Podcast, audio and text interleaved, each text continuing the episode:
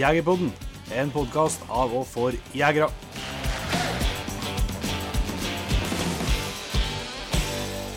Hjertelig velkommen til en helt ny episode av Jegerpodden. I dag så er det Jon Inge klart for litt mer hjortejaktprat. Det blir litt rådyrprat òg. Ja. En kortfota unna. Yes, vi har fått på oss en kar som heter for eh, Kenneth Johansen fra Drammen. Som Ja. eh, har uh, jakta masse både hjort og rådyr eh, med forskjellige raser, men spesielt mye med basset og etter hvert òg beagle. Så her eh, er det jo Det har jo vært litt etterspurte tema, både med mer hjortejakt med hund, men òg litt her rasene her, da. Så mm. det er nå et eh, start på det, og det kommer jo helt sikkert eh, mer av, vil jeg tro etter hvert som Jegerpodden skrider fram. Men eh, eh, jeg ser jo du sitter bare og tripper og gleder deg på å fortelle. Det har jo eh, vært noen eh, vil si drømmedager eh, på elgjakt eh, siden sist vi laga podkast, og det Jeg tenkte ikke vi skulle snakke så mye om det. Nei, altså det Forvaltningsmessig bra uttak og fint terreng. og Ja. Nei, vi må prate om det, ja. Jeg tror ikke Du hadde ikke det så aller verst oppi her, du heller. Nei, jeg storkosa meg. Jeg gjorde det. Ja. Ja, det var en uh, fantastisk uh, tur. Vi nevnte vel det så vidt uh, i forrige episode at det var planen for forrige helg. Mm. Og inn mot Børgefjell. Vi var ikke helt inne i nasjonalparken, da, men vi var inne i det området. Heldigvis, kan jeg nesten si. Ja, det kan vi si, da. Vi kom tilbake til. Men vi starta med det var jeg og du, og så en kompis av oss som heter Morten, og en kompis Mm. som heter Alvar. Mm. eh, som danna jaktlaget den helga der, i hvert fall. da. Eh, og fikk lov til å kjøre båt, eh, eller først få lov til å kjøre en sånn privat eh, skogsbilvei inn en bit, og så båt eh, inn på stort vann, som gjør oss at vi kommer bare en liten ja, en kilometer eller omtrent da, fra Ja. grensa til Valle. Mm. Eh, og Dan uh, starta nå med båtturer, selvsagt, og vi har jo til og med ordna oss med tatt med lavvo og greier, og skulle bu oss på at eh, vi måtte ligge og vente på hund og fyre i, fyre i lavvoen. Ja. Eh, for det var meldt ganske rufsig vær. Det var det. Eh, og så delte vi oss eh, først, eh, så du og Alvar gikk i lag en bit, og så gikk jeg og Morten i lag. eh, Mm. Før vi delte oss igjen og begynte å, å finse i kikkert. Men det, det var litt sånn, det høres litt sånn nøver ut i starten der, du har ikke så trua. Nei, eh, jeg, jeg hadde faktisk ikke. Jeg, altså, jeg har jo, har jo skikkelig trua på, på området og jakta og Det er ordentlig jakt. Altså, det, Mm. det er til fjells og ja, bare Det er ikke noe granskog eller noen ting, det er liksom bare bjørskog og skikkelig fint. eh, Men jeg syns det gikk ganske mange kilometer før jeg i hele tatt Jeg så ikke et ferskt elgspor heller. På fem-seks kilometer, men derimot så så jeg ganske mye re reinspor. Heldigvis ikke så ferskt stemmer, da. Nei da, de var ikke ferskt, de heller. Men eh, nei, jeg var litt uh, nøver da, ja, men uh, eh, jeg, gikk vel av med alvor i starten der, også, og vi satt og kikka lenge og greier. Og, og så nedi den Det var jo et dalføre vi gikk i, dere på ene sida og vi på andre sida. Mm. Så var det en litt sånn markert hump nedi den der dalen der. Og så så jeg Alvar stå og kikka på den humpen, og så, og så spurte han om han skulle gå og sette seg på humpen der. Og det så gjorde han, og så gikk jeg videre innover. Og dere kom, kom liksom på motsatt side. Eh, og så skjedde akkurat det som jeg håpa på skulle skje når Alvar setter seg for seg sjøl på en hump og ser i kikkert. Jeg syns det tok eh, litt lengre tid enn jeg trodde, men han kom inn på radioen og sa at eh, jeg tror jeg ser to elger her. Ja. og det stemte, det var ikke bare to, eller? Nei da. Nei, han er- etter hvert se Ja, han er bra på å slå kikkert, det må han Ja. Det er helt enormt, altså. Hva han ser i kikkert. Det er gull verdt på sånne turer som dere, ja. takk en takk. ta. Men det viste seg at uh, det var ikke bare to, det sto det var faktisk fem elger i lag uh, mm. på en, en plass, og så eh, så så dere vel også ganske tidlig to litt, litt lenger i nå. Ja. Det var to litt lenger fram, og så var det fem i midten, og så var det to helst innerst inne i dalen. Nei, og så og da så var var jo så ekkel vind òg inni her eh, i starten, eh, før man liksom kom seg i dalen. For da drev hun vind og kasta og greier og snudde på seg og hva som en bruker å være, egentlig. Men eh, jeg gikk jo, gikk jo på et stykke, så jeg var noe en god del lenger inn enn dere andre. Mm. Så jeg kom liksom inn skikkelig inn i dalen, og da hadde jeg jo, hadde jeg jo bra vind. eh, Så at jeg hadde vind fra elgene rett imot oss. da, og da men det, det den ser jo, den skal jo bare stole på hund, for hund markerte jo lenge når jeg hadde den i bånd her at, at, eh, at det står dyr inni dalen her. Ja. Det var han forholdsvis uh, tydelig på. Uh, men jeg har jo låst meg sjøl i at, eh, at her er ikke en elgspor, her er det bare rein. Ja. men så feil kan man ta. Ja, ja, ja. Og så, men det ble bestemt i hvert fall at vi, at vi kom jo um, Gikk oss litt fram med han Morten òg, så vi kom oss jo mer eller mindre på lin med der Alvar satt og kikka kikkert. Um, og så fant vi noen, og jeg har aldri vært her før, så jeg skal ikke si at jeg visste jeg satt på bra plass, men uh, det gikk nå til jeg følte jeg hadde litt mer oversikt, i hvert fall. Mm. Uh, og satt der, og da fikk jeg jo se der, uh, de her fem elgene i, i både kikkert og termisk. da. Mm. Um, og så uh, gikk du litt uh, nærmere, så at det var til slutt du stola nok på Brutus til at uh, det var rette, jeg hadde rette været. Ja. Jeg sluppet den egentlig fra, fra der, der jeg satt og kikka òg. Ja. Var- har jo været av dem, så jeg slapp den bare der så han, eh, så han fikk springe seg på dem til slutt. da. Mm. Uh, og vi var jo vi var jo, vi forberedte oss opp på at uh, nå springer han oppi der, og så tar han ut elgene, og så, så kommer det på, på en av oss postene. Mm. Uh, I ikke stå. Jeg jeg forholdsvis mentalt forberedt på at det kom til å skje, for at elgen skulle stå oppi, helt oppi snøa der. Det var, ikke- det var jeg ikke, ikke helt forberedt på. Det, det plager meg litt at jeg ikke fikk til å se uttaket, for jeg så kikka på elgene uh, lenge før jeg- hunden kom dit. Ja. Um, eller jeg så jo bare én elg skikkelig i kikkerten, og så så jeg i termisken at det var flere dyr i, i skogen rundt der. da. Ja. Um, men uh, jeg satt vel og fulgte med på peleren sikkert akkurat når uttaket kom, så neste gang jeg så elgen, så var den elgen som lå, da, som jeg så i kikkert, lå, den potene, og den snek jo seg unna. Ja. Um, og forsvant innover. Mm. Men uh, det ble jo stående igjen fire dyr, da, så det er jo ikke så dårlig. Det. Nei da. Det, nei, det var så helt magisk. Ja, Den elgen som du så, den så jeg òg. Den lurte seg ut eh, bak. Det var, Ja. som jeg kunne tolke på en kilometers avstand, så var- så det så ut som en eneste ku, i hvert fall. Ja. Eh, og så visste du jo at det var en okse og ku og kalv som var i den klynga. Ja, Altså- ja, det var dårlig ikke før etter uttaket, du ble helt sikker, da. Ja, jeg så det før. Du så det før, ok. Ja, for Ja. at jeg, vi klarte ikke, jeg klarte ikke å se at det var okse før i Jeg jeg så at det var men jeg syns ikke jeg synes ikke jeg synes det så ut som en liten okse. Og, så så jeg at det var de to elger som lå, og at den ene, ene var mye mindre enn den andre. Ja. Men så det, det, det fikk jo stå i ro en stund i losen, da. Så ble vi enige om at jeg bare skulle prøve å stille inn på, og dere, dere skulle postere. Og så Det var jo en jo å love at du skulle støkke framover til oss. Ja, ja, ja. Helt til jeg innså at uh, vi ikke var inne i nasjonalparken ennå, så dette kunne vi faktisk kjøre og hente. ja. Jeg syns det var den meldinga av radioen der, men den grensa som er på kartet oppe her, det er grensa til parken, altså. Ja, det Ah, mm. Da begynte jeg å ane ugler i mosen, ja. Om at uh, støkkestrategien var, var endra. Ja. Men det var vel da han Alvar kom inn på radioen og sa at eh, han så at en Brutus sto i los med fire, fire dyr. Mm. Mm. Ja, at vi så 4-2-1, ja. Ja. Og så begynte du å skulle stille inn på, eh, og så ser vi det Alvar igjen, at nå er elg eh, på tur, eller han så det, noen elger som var mm, fra Losen, sto jo to kilometer eh, innenfor oss. Ja. Um, og så så, så vi noen elg som var i, i mellom oss og Losen, Ja. uten at han klarte helt å se hva det var, men han trodde kanskje det var ku og kalv. Og jeg satt nå og kikka i kikkert og kikka i kikkert og kikka i kikkert. Det er jo ganske heftig, og selv om det er to kilometer og du bare ser dem som noen små prikker, så er det jo heftig å se på noe sånt land. Mm. Og vi hørte jo losen godt, i, for det var helt, helt åpent imellom. Ja. Og så plutselig kommer Morten inn på radioen og sier at uh, nå kommer kalv ned mot der jeg satt. Og det var jo i Guds løkk, for de kunne jo fort ha sprunget rett forbi meg. som Satt og kikka to kilometer lenger fram. Ja.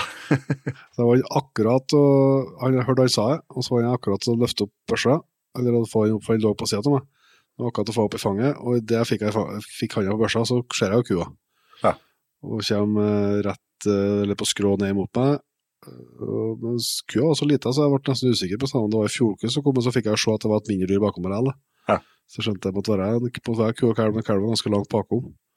Så de har, sannsynligvis måtte de ha blitt støkt av losen. Altså til at det ble skjelling og bråk inni her. Ja, det tror jeg nok å bare velge å trekke seg unna området, ja. Ja. Mm. Så det var, ikke, det var litt fart på dem når de kom, men da har vi jo sikkert blitt klar over Morten. da. Ja. Og om, så det for sikkert derfor det var litt, men eh, eh, de kom og skrå imot meg, og når, eh, så var jeg sånn ganske bred glei der, så når kalven var inni så lokka han bare til, og da ble det noe bråstopp på begge elgene, og, og kalven ble der, da. Ja. Så det var jo eh, Det er eh, For meg er det sånn vanskelig å ha et ord på det, men det, så, det gjør så inntrykk på meg hver gang jeg ser elg i fjellet. Ja, det er noe helt annet, altså. Ja, det, er, det er helt det er kjempeopplevelse, syns jeg. altså. Så Det er så rart med det, for at, for at de, de, på et eller annet fornulig vis så passer ikke de inn oppgjør, men de gjør det likevel. ja, ja, det er skikkelig sånn eh, Og de, de har så mye fordeler. Men altså, Ja. den, altså, det er jo slags tjuvflaks at dere sprang seg på For meg, og veldig uflaks for dem, at de sprang seg. For at eh, det er sånne områder, og, og vi er bare fire stykker som driver og surrer opp der. Ja. Så Jeg var, ikke det var- pottkjett eller postlinje, da. Nei, det var, det var, det var den liten kilometer mellom postene, så det var mulig å, det var mulig å smette mellom, ja. Ja. Eh, Men det gikk jo veldig bra. Jeg fått eh, skikkelig sånn godfølelse på skuddet og satt bare og kontrollerte inn til han eh, Jeg så ikke han datt, men jeg hørte han datt. Ja. Um, Og så fikk jeg jo meldt ifra på radioen, for det er jo det som er litt spennende når du har to elger igjen. Ja. Så jeg vil jo tro at du var litt spent når du hørte det small på vår side, hva det var det smalt på. Ja, litt spent, men jeg hørte jo at Morten sa at det var ku og kalv. Ja, men det kunne vært nokså du. Ja. Da har vi jeg ikke sittet her og prata nå, nei. Men, eh, Nei, vet du, jeg syns det, det var kjempegodt da, å få høre at, eh, at kalven hadde falt, for da var det litt mindre ting å konsentrere seg om oppi sida der. Ja. Jeg fikk beskjed i hvert fall at, til at jeg måtte ta to klikk eh, hvis du hørte at jeg datt i kalv, og de kom noe kontant. Så, Ja, ja. for det er, jo litt, det er jo litt så spennende, det også, men det er klart det er jo ikke problem der det er også åpent og fint. Men når du har radiokommunikasjon sånn, eh, og det er få dyr igjen på kvota, så er det bestandig litt sånn uh, greit å kjenne at uh, det er greit å få tilbakemelding om at, at man vet hva som har skjedd. Ja. Nei, jeg var jo jeg var, da var jeg, Når du meldte fra om det, så var jeg en 300 meter fra losen ennå, så jeg har ikke skulle gjøre radioen eller noen ting heller. Eh, Men da var det jo det var det jo veldig greit. Det var nå bare å fortsette, fortsette imot losen og, og eh, også fjelldyrskog, da. Eh, Helt ikke et gram løv på trærne. Så det var jo liksom bare å gå seg rett inn. Eh, hadde stabil vind rett i ansiktet og tok meg god tid og la igjen sekken liksom en par hundre meter fra losen. og og så fikk jeg se, fikk jeg se et glimt oppi her òg Da så jeg oksen. Eh, og når jeg ser den, jeg så den oksen sto her, så så jeg også en stein som var midt imellom meg og losen. mm. Som jeg kunne gå i skjul for hele turen. Ja. For jeg var litt bekymra for oppe her at det var, at det var så åpent oppe at det skulle bli vanskelig å komme seg inn på hold. Ja. Men uh, jeg så den her steinen, og, og så la jeg liksom planen, så da tok jeg meg sjøl og tenkte at dette her, her eh, skal litt til for å ødelegge, altså. Det er bare for deg. Så gikk meg opp på den der eh, gikk meg opp på den der eh, steinen og la meg ned der, og da hadde jeg 80-90 meter bort, til- bort til losen. Uh, Brutus var kun opptatt av oksen, så han drev og jaga han litt. Uh, så sto kua, ku og tvillingkalver. Sto liksom rett på ja, rett opp meg, da. Mm. Dem har jeg egentlig skuddsjanse på hele, hele tida. Jeg hadde nok ikke, Om ikke du hadde skutt kalven, så hadde jeg nok ikke skutt en kalv først likevel, da. Men eh, Jeg vet ikke hvor lenge jeg lå innpå. Men uh, kua og kalvene de begynte å trekke. Uh, gikk noe skritt lenger, litt lenger uh, vest, nei øst. Og da, da ble han litt sånn brydd, oksen. Da ville han begynne å tusle litt etter dem, og det var akkurat det som skulle til, for da fikk jeg en åpning på. Da, for at når det ligger på 80-90 meter, og, og selv om det er bare fjelldørsk, så, er det noen teller som skal Det, matche for at du skal få bogen fri. yes. det, det virker liksom enklere på, når du ser på langt hold Ja. på fjellskogen. Men når du kommer inn her, så er det utrolig Og så er det jo ikke teil som er bein her, da. Nei, det er ikke det. så. Så jeg, ble, eh, så jeg hadde liksom ei, ei bra, bra glend der da. Da kom han noe sakte gående inn i den eh, glenda til slutt. da, Og med hund bakom, og da var det bare å sende av gårde kula. Og godt og tydelig skuddtegn, og ja, han sprang jo bare en 20 meter, så bekka han om. og Kua og kalvene sto bare og lurte på hva som skjedde, og så tusla de, tusla de rolig unna. Mm.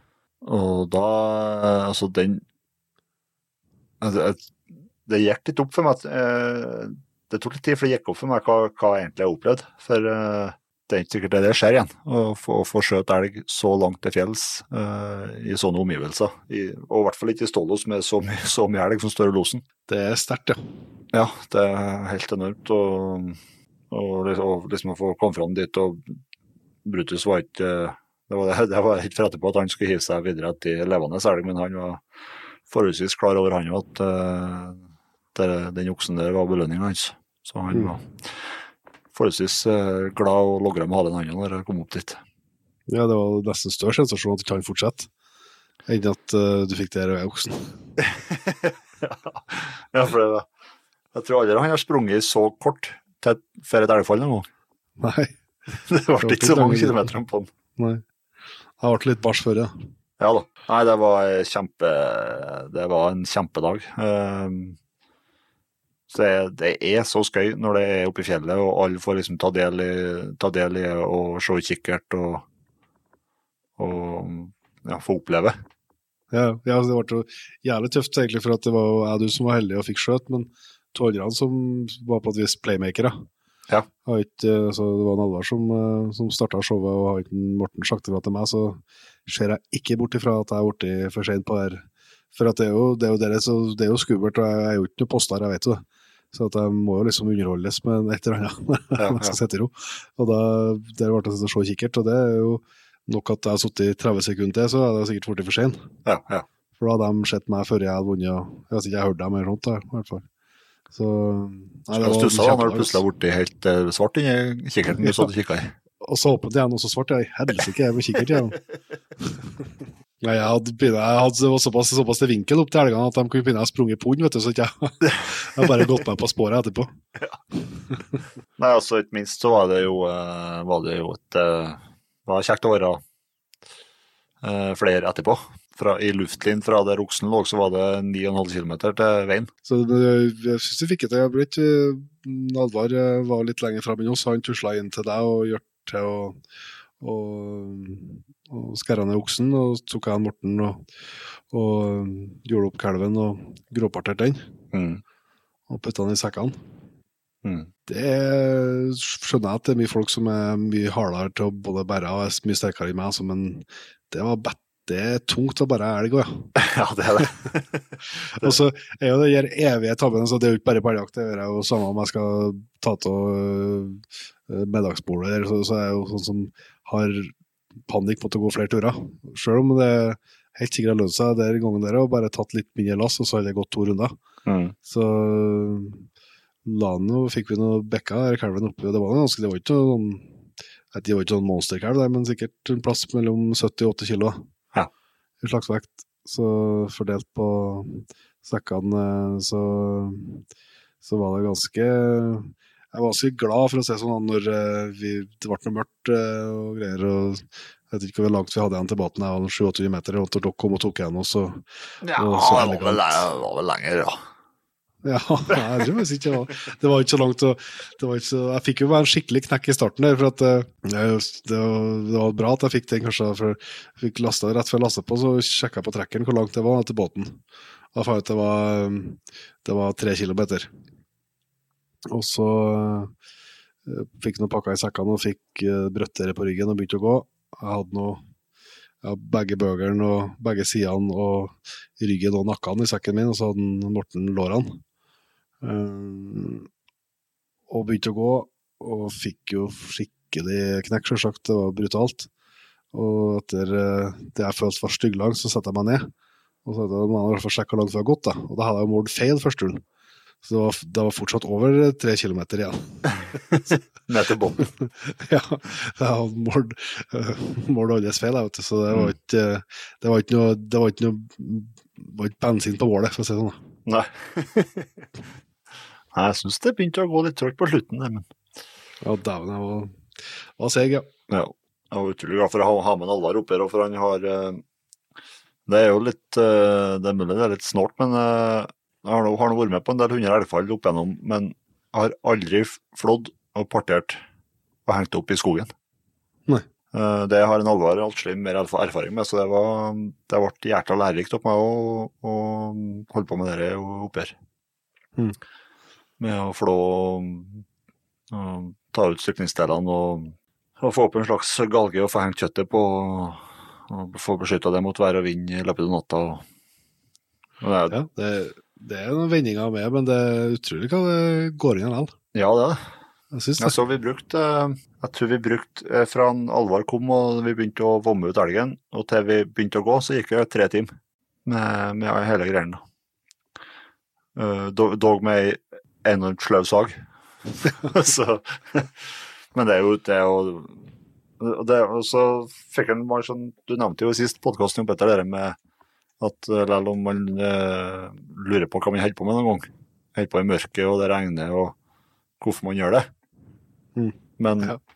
det er jo Altså, det er så sinnssykt god følelse å holde på med. Ja, ja. Jeg får ikke, jeg får ikke sagt det, hvor synd jeg synd jeg syns på folk som aldri får den opplevelsen at du er i fjellet. Jeg tror ikke du er i jakt, selvsagt, men at du er i fjellet eller på, i skogen på tur, og du er gjennombløt og svett og kald og sopinn, som ikke får kjenne opplevelsen av det, og da kom inn ble så vi fikk komme oss inn på ei hytte og tente opp og får på seg tørre klær og så la liten akevitt og noe mat og altså, altså den altså det, hva det gjør med kroppen og med sjela di, den overgangen der, det er ja, Jeg syns synd på folk som ikke får oppleve det, altså. Ja. For det, det er virkelig sånn som gir mitt liv mening. Ja, det er helt sant. Heldigvis da så ble det noe, var det noen trivelige grunner som, som lot oss få kjøre.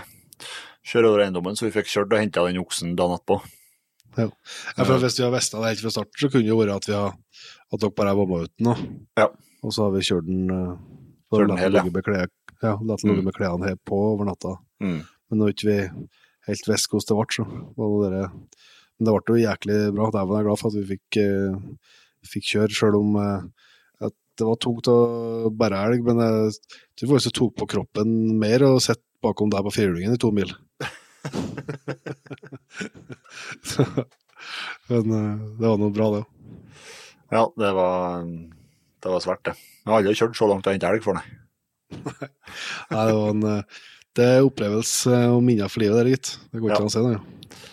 Det er det. Men eh, ja, helt enormt. Så sånn er det.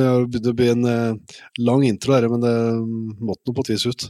Det måtte jeg. Uh, men vi skal begynne å ta oss litt eh, videre, kanskje. Jeg tenkte, eh, jeg tenkte jeg skulle eh, bare hinte frampå hvis det er noen som eh, har tid og anledning. Så skal jo vi to an, eh, og en stor gjeng på drivjakt i Polen eh, i starten på desember Mm. eh, i lag med Safari Max. Og eh, der er det fortsatt eh, noen få ledige plasser. Så hvis det er noen som har eh, muligheten, så eh, er dere hjertelig velkommen til å slenge opp med. Jeg tror jo det kan bli en uh, steikartig tur. Jeg gleder meg i hvert fall som en unge til det der. Det skal jeg skal være den første til å innrømme. Ja, det blir bra, ja. Nei, det er ledige plasser, så det er bare å hilse på. Men du skal jo en uh, liten tur sørover uh, mot, uh, mot slutten av veka. Jepp. Vi skal til en uh, Leif Skiaker på i Skjåk. Mm. Veikelåsens kennel og Henk valp. Mm. Det er i hvert fall nevnt der at vi har bestemt oss for å, for å få tak i en, eh, enda en jentehund når det ble som det ble med Tinka. Så skal vi eh, hente oss en jentehundtisp til eh, Leif. Mm. Det var jo han vi henta Tinka til i sin tid, da. Mm. Og da fikk den muligheten der igjen, så var det, det var bare å, å slå til på. Og så er jo får jo diskutere hvor mye det har å si fra over tilbake, men jeg må nå si at for meg når det ble en, et tragisk endelikt eh, for henne når hun ble påkjørt, så, så vi ikke fikk til å, å ta noe valper etter henne sjøl, så, så er jo synes jeg det, det, gir på et vis mening og god følelse at både mor til Tinka og, og far til Tinka er, er i stamtavla der, da. Ja, helt klart. Det, det blir noe litt sånn sær kanskje av armen. Det er noe, du føler jo at du i hvert fall uh, har litt mer sjanse til å starte på nytt, da. Ja, ja det kjennes.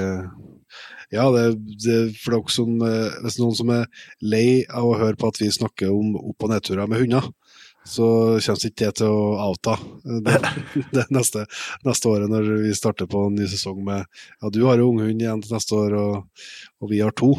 Ja. Uh, så, så, kan det godt være at vi kommer til å dele både opp- og nedturer fra skogen og fjellet, gitt. Fordelen er at jeg har enda hår på hodet som jeg kan rive av meg. Det har ikke du. Nei, det har ikke jeg. Men jeg har, eh, jeg har snus. Ja. Det er bra.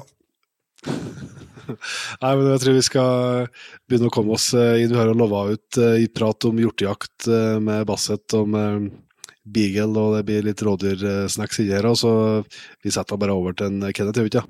Det gjør vi. Da har vi gleden av å ønske Kenneth Vågelsby Johansen hjertelig velkommen til Jegerpodden. Takk. Er det... Hvor er vi hen i landet nå, Kenneth? Nå er vi i Drammen. Yes. Første, første gjest i Jegerpodden for Drammen. Ja. En gang må være første. En, en være den første. ja, det er sånn. Du, vi skal jo snakke om uh, hjortejakt uh, i hovedsak uh, med drivende hunder. Det kan jo være at vi kommer innom litt rådyr òg, men før vi kommer for fullt i gang med det, Kenneth, så må vi stifte litt nærmere bekjentskap. Kan ikke du fortelle litt om deg sjøl? Jo, jeg er 46 år.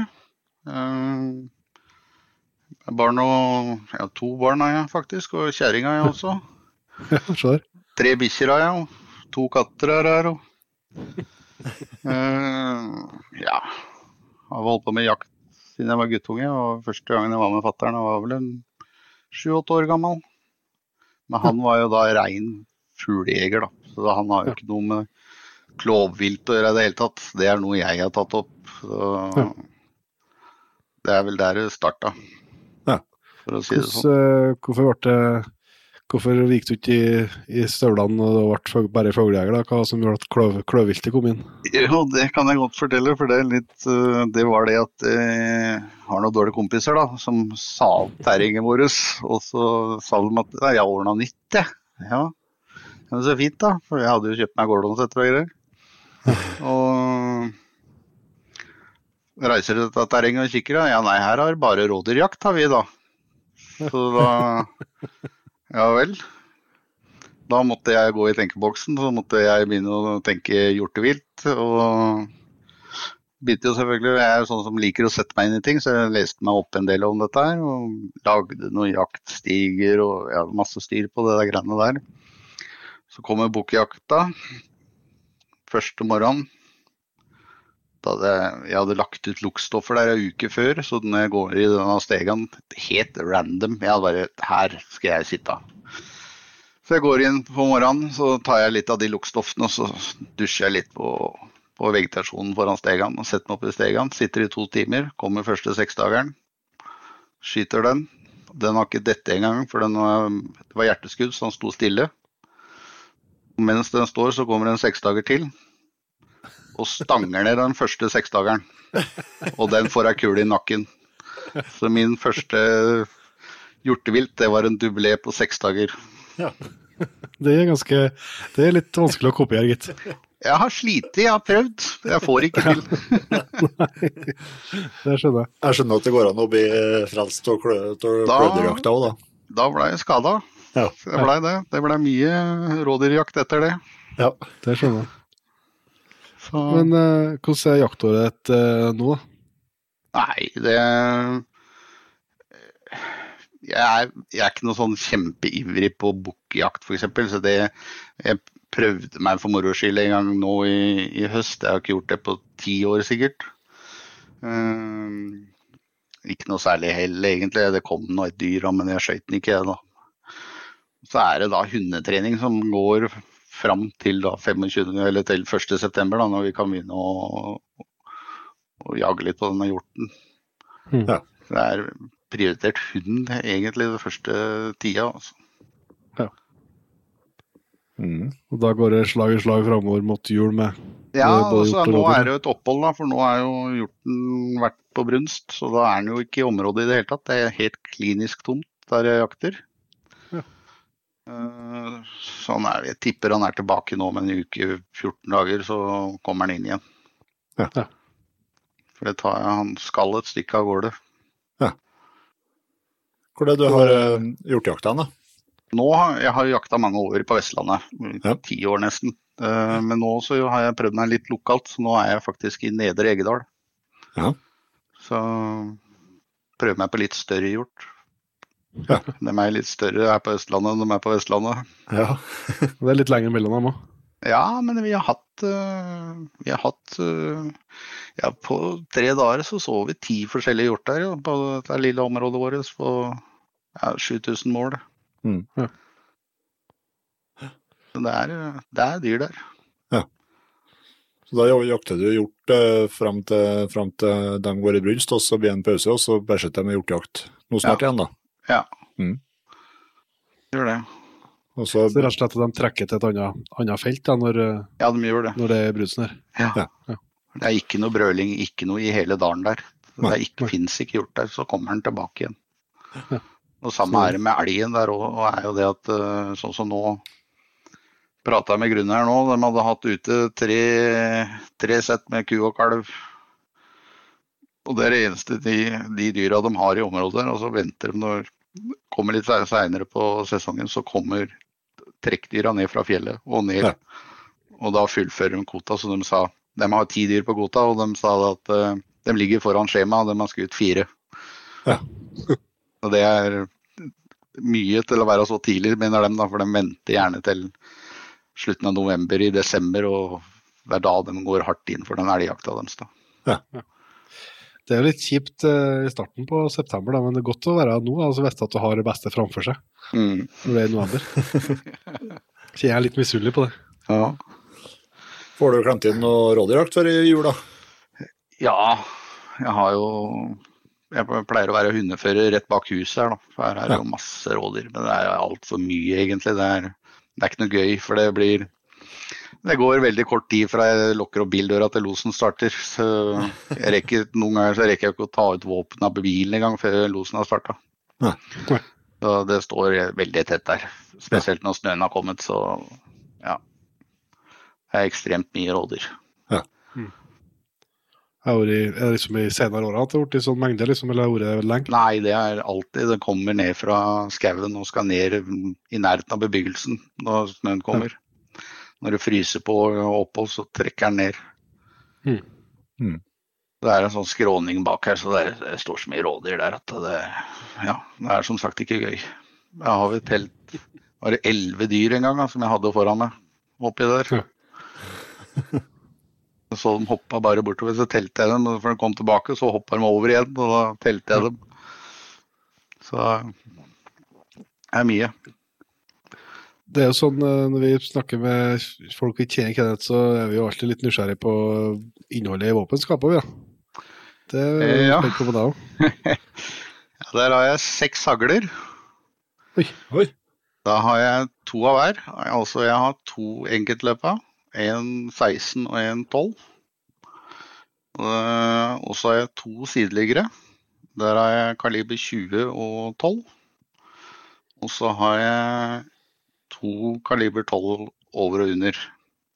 Ja. Den ene er en type Merkel 202E. Av de over og under. Ja. ja. Hva er det du foretrekker å ha med deg? Jeg er over og under.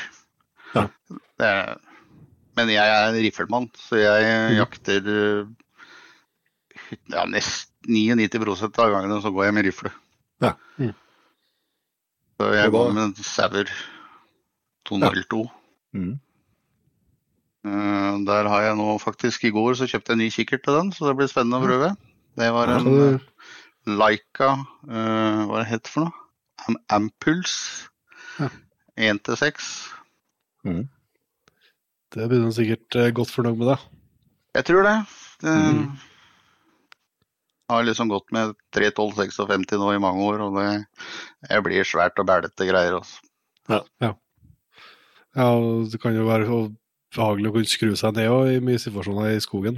Ja, Og så kan du ha det med, ja, du kan ha begge øya oppe og følge med Ja. på alt når du Mm. gjør dette. Så jeg gleder meg til å ta den i bruk. Ja, det skjønner jeg. Du sa du hadde eh, tre hunder. Hva er det du har i hundegården per nå? Nå har jeg, jeg har en beagle som er 13 måneder.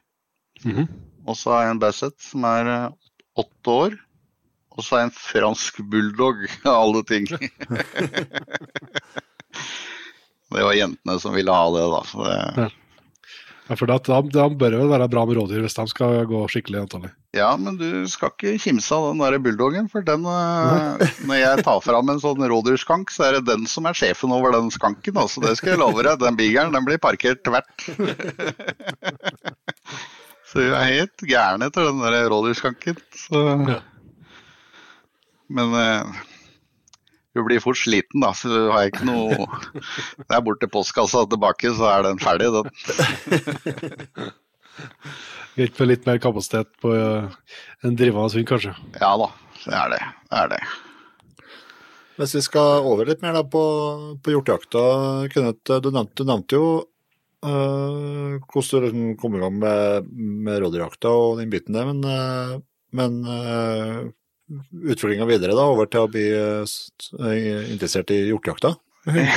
Det var også helt tilfeldig, egentlig. For det, vi hadde et terreng ute i Lier. Altså nabokommunen til Asker.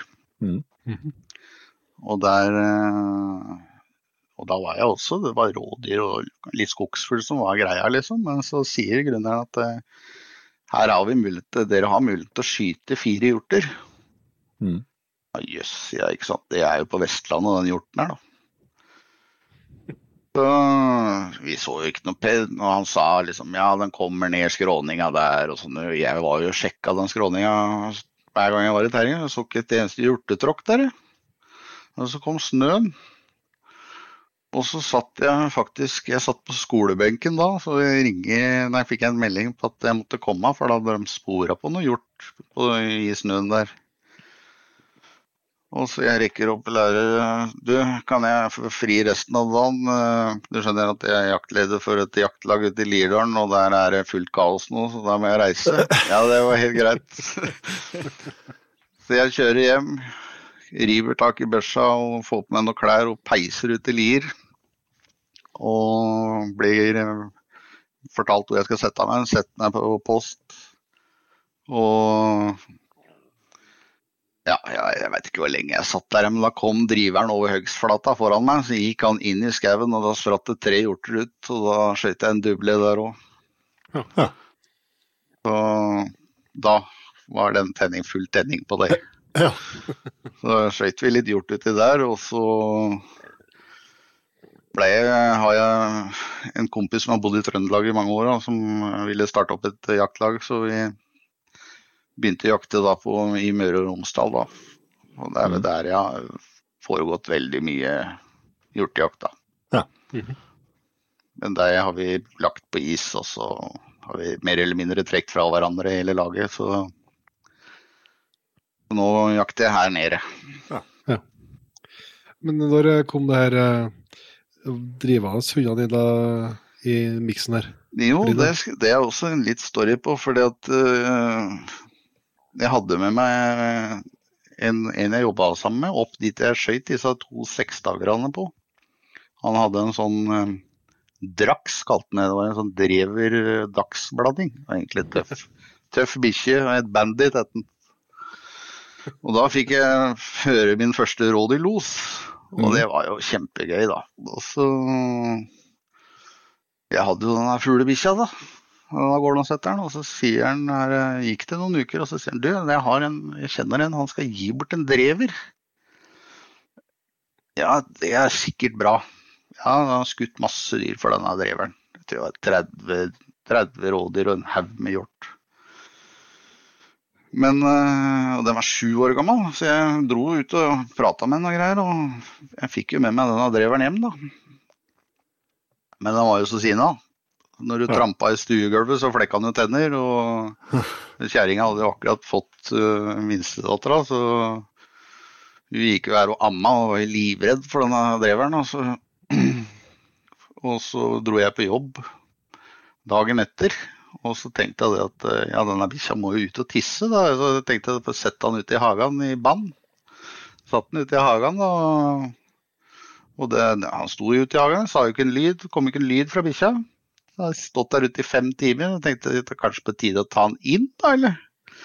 Men da han kom til porten til hagen, da, da sto han og knurra og flekka tenner. Så da, sa, da ringte kjerringa. Den bikkja står ute til du kommer hjem fra jobb. Ja. Og da, da sa de at «For får du heller få deg en valp eller et eller annet. Du skulle ikke ha den dreveren i hus. Dette er sikkert helt tilfeldig, jeg har ikke bedt noen sånne drever rette etterpå, men uh, Og så har jeg da en kompis da, som driver med, med Basset, så det var også helt tilfeldig at uh, jeg prata egentlig med mora mi om det. Så sier hun 'prat med Jon', og så dro jeg til Jon, så, eller på jobben til Jon. da. Nei, han var hjemme fordi det venta noen valper. Ja, så jeg dro hjem til han, da. Så ble vi sittende og prate litt på kjøkkenet der. og da ble vi vel en sånn, var jo mer en sånn fòrvert jeg skulle være da, for disse bikkjene. var vel det som Vi satt og diskuterte der. Så kunne jeg bare få ei bikkje av han, det var ikke noe problem. Og så ja, kokte det egentlig litt mer, mer eller mindre bort dette her. Og så var jeg på noe sånn taekwondo-greier stevne med hun eldstedattera mi, og så plutselig så tikker det inn en melding fra Jon at ja, du, jeg har en fire måneder gammel valp du kan komme og hente nå. Ja. Så da dro jeg og henta den første basseten min. Ja. Hun het Guinea. Hasta la vista Guinea. Det var kjøtteren sin. Ja. Hun skøyt vi gjort for, hun var ni måneder gammel, men uh, hun blei knallhard. Ja. Uh, hun hadde stålos på elgokse, blant annet. Vi slapp av i Notodden og henta hun i Bø. Hun dro over hele fjellet etter hjorten. Hun var stein gæren. Stålos på tiur i topp. Så hun jagde alt. Så, men så fikk hun en liten forkalkning i hofta, og så sleit hun egentlig litt med å ja, sette seg ned eller, og hvile, da. Så jeg ga bort hun til en kar som drev med hunde, hundekjøring. Og han skulle ha en innehund, da. Han hadde jo elleve sånne huskyer stående ute og gneldra, så han skulle ha en innehund, og så drev han og jakta litt rådyr og greier. Da. Så ja, det, det kan du bruke til, sa jeg, men uh, det er ikke noe mer enn det. Og så Dette var på vinteren han fikk denne bikkja. Og på høsten da så tenkte han han skulle ut og trene med bikkja, så han kjørte da hjemmefra. Han bodde jo på grusveien, så skulle bare litt lenger inn på grusveien. Så han hadde vinduet oppe, og bikkja satt i forsetet på high-assen. Og da plutselig så tar hun fart, og så hopper hun ut av den bilen da, i fart. Så hun knakk tre bein, så da, mm. da var den bikkja over. Ja. Så, så jeg fikk meg en ny en. Hun het uh, Hasta la vista. Og så Vi kalte henne for Tussi, for hun gikk bare og lukta på blomster og Ja, hun var så snill at eh, Ja. Så hun var jo redd for rådyra. Eh, hadde henne oppi bak her, så løp jo rådyra etter hun. Og da begynte jeg å bli stressa på dette greiene her, og da sa jeg til Jon at dette går ikke. Jeg kan ikke ha en sånn hund. Nei, så blei vi vel enige med at da bare selger vi hun, og så tar vi ut en ny en. Og da måtte vi finne på noe lurt. Mm. Og da dro, tenkte vi litt gjennom dette og fant ut at uh, vi må ha noen nye avlslinjer inn i Norge. Så da kjøper vi to hannbikkjer i Frankrike. Mm. Så fikk vi kontakt med en som heter Patrick nede i Frankrike. Han, øh, han, han bruker hundene sine på villsvinjakt. Han slipper 30-35 hunder om gangen. Men øh, de er ganske harde, harde linjer da, Mm. Ja. for å få opp litt trøkk i disse avisene. Vi tok inn hver vår hannbikkje, solgte begge to med avlsrett på de hannbikkjene. Mm. Para den ene hannbikkja med en importtispe som Liselotte i Sverige tok inn fra Frankrike. Mm. Uh, og det avkommet der har jeg. Ja. Og det jeg har nå, hun heter Sibans Dokka, Mm. alias Kira. Og hun ja, er ikke, hun er ikke veldig fin, men uh, hun er veldig fluffy, da, for å si det sånn. Det er Ja, mange ja. som har reagert på, på at det er en jakthund. Jeg har en liten story på det òg, egentlig. For det, jeg var hos en oppe i Lærdal. For det er buden opp dit. Han hadde spart et terreng eh, ute i fjorden der. Man hadde åtte hjorter på kvota, hadde ikke skutt noe det året. Har ikke brukt terreng i det hele tatt. Og det er sånn terreng du ikke kan kjøre til, så du må ha båt for å komme deg dit. Mm. Så vi drar bort der, og så fyller opp denne svære ribben hans med postfolk. da, Så setter opp ei postrekke fra fjorden og oppover fjellsida. Og så når vi har satt opp den ene rekka, så kjører vi båten midtfjords, og så går vi over åsen med termisk kamera for å se om det står noe dyr der. Og da Mm. står det jo dyr der. Så bestemmer, jeg, stemmer vi oss for at vi skal gå to stykker som skal gå og drive. Det er meg og bikkja, og en som skal gå litt høyere opp. Og han jeg var hos, da, han hadde jo ikke trua på den der eh, krølltangen som lå i sofaen, så jeg slapp nå denne bikkja, og det tok jo ikke lange tida da, før det da var full los, og det smalt og det smalt og det smalt. Vi skøyt vel sju dyr, tror jeg det blei, på det drevet der. Og når jeg fortsetter jo, for vi, ingen hadde jo selvfølgelig klart å ta med seg en jaktradio. Og det var jo ikke telefondekning der vi var, så vi måtte jo bare Ok, nå er klokka ti over, da skal jeg begynne å gå. Så vi gikk på klokka. Så når jeg kommer bort til den, andre, den første postrekka, da, så sitter jo han Mark sitter der på båten der og venter. Så ser han bare dumt meg, og så sier du den bikkja di, det er det mest sinnssyke han hadde sett. For han hadde sett bikkja komme opp fra meg, og da han, han hadde sett inn i tetta der, så hadde han sett en ball med hjort som fløy i en runding. Midt i den rundingen, der satt bikkja mi.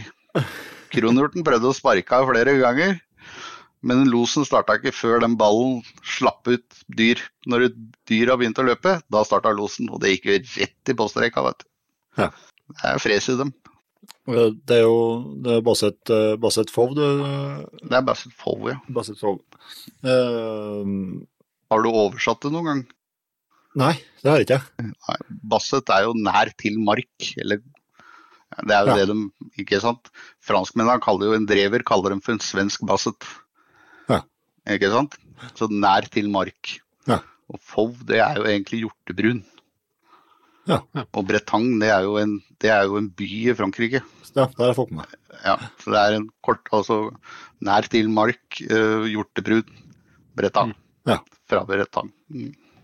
Ja. Ja, for det, hvor, mange, er, hvor mange sånn uh, kort, kortfota skal jeg si finnes det fra, fra Frankrike? Er de to andre eller flere typer? Er det ikke fire? Det er én engelsk og fire franske. Mm. Fire, fire bassetrasser, ja. Ja. Det mener jeg var hørt. Men, fo men Fowen er da den mest brukte hunden i Frankrike. Da. Ja. ja. Og det er det fort i Norge òg, eller? Av Basset-rasene? Jeg, jeg veit ikke åssen Jeg er ikke så veldig inn i den der petiten, egentlig, men, eh, for dem er jo veldig like, disse to. Ja. Fovo og petit er veldig like hunder. Eh, Den ene er hvit og brun, og den andre er helt brun. Mm. Eh, har egentlig ganske bra mål, begge to. Mm. Eh, Petiten har vel en inntrykk at det kanskje er litt og litt grann roligere i losen enn Fowen. Fowen Mm. er nok kanskje litt grann hardere. Så tror jeg kanskje Fowen henger på litt lenger enn Petit. Men det, det er individer, da. Så du kan ha få, nei, petiter som jager skjorta, det òg, helt sikkert. Men jeg har veldig liten erfaring med den petiten, egentlig. Det er den foven Fowen jeg har eh, mest erfaring med. Da. Men når var det sånn som den Foven, når var det den kom, den kom til landet her og, og starta her, da? Den kom i 1993, mener jeg det årstallet er. Og det var Bjørn og Liv Arnhild som kom med den første. Jeg mener det var fra Sverige de henta den. Mm. Og siden har det bare eskalert. Ja. I dag så er det vel et sted mellom 600 og 700 individer i Norge. Ja. Så det er jo fortsatt en veldig liten rase. Men populær. Ja, for det er mitt inntrykk av at det, mm, det er blitt populære. Det er klart at det er jo både at det er bra jakthunder, men også at de, de, er jo, de, de har jo et veldig tiltrekkende utseende, for å si det sånn. Ja. Lett å like. ja. Mm. Min ser jo ut som en sånn labbetuss, egentlig. altså, den ser litt annerledes ut enn de vanlige striåra. Ja. Det er mer en sånn ulldott det der jeg har. Veldig dårlig pels på det greiene jeg har. Ja. Og vinteren er helt håpløst. Også disse skal jo nappes i utgangspunktet. Eh, hun jeg har går ikke an å nappe, så uh, hun kjører maskin på én gang i året. Ja. Rett og slett. Nei, jeg orker ikke å slåss med hun, og skal, hun hyler og skriker, og jeg skal stå og dra hun i pelsen. Så nei, da blir det maskin. Keep it simple. Ja.